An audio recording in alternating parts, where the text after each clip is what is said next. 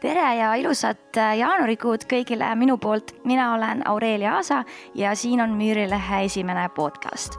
podcast hakkab äh, ilmuma iga kahe nädala tagant ning äh, sel korral on vastavalt Müürilehe jaanuarikuu numbrile teemaks aeglus külas on kirjanik Jan Kaus, kellega räägime aeglusest eelkõige just kuulamise kontekstis ning saate teises pooles tuleb äh, siia rääkima Tõnis Jürgens, kellega heidame põgusa pilgu mõningatele eelmise aasta parimatele filmielamustele. ilusat kuulamist!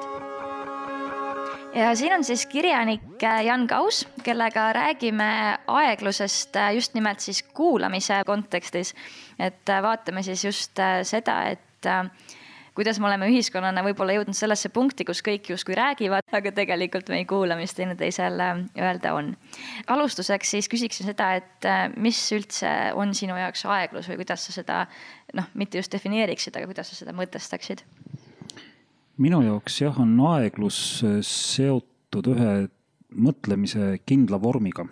et üldiselt mulle tundub, et äh, väga suur osa meie mõtlemisest kulub reageerimisele aga mulle tundub, et aeglus on seotud sellise mm, mõtlemise eri, erivormiga, noh, mille kohta saab öelda, et see on järelemõtlemine.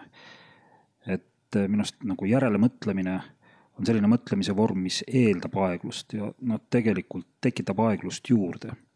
Et järelemõtlemine on see, kus sa hakkad mõtlema, mida ma siis õi-, õieti tegin, kuidas ma nüüd õieti reageerisin, mida ma nüüd õieti ütlesin et kas oleks saanud öelda teisiti.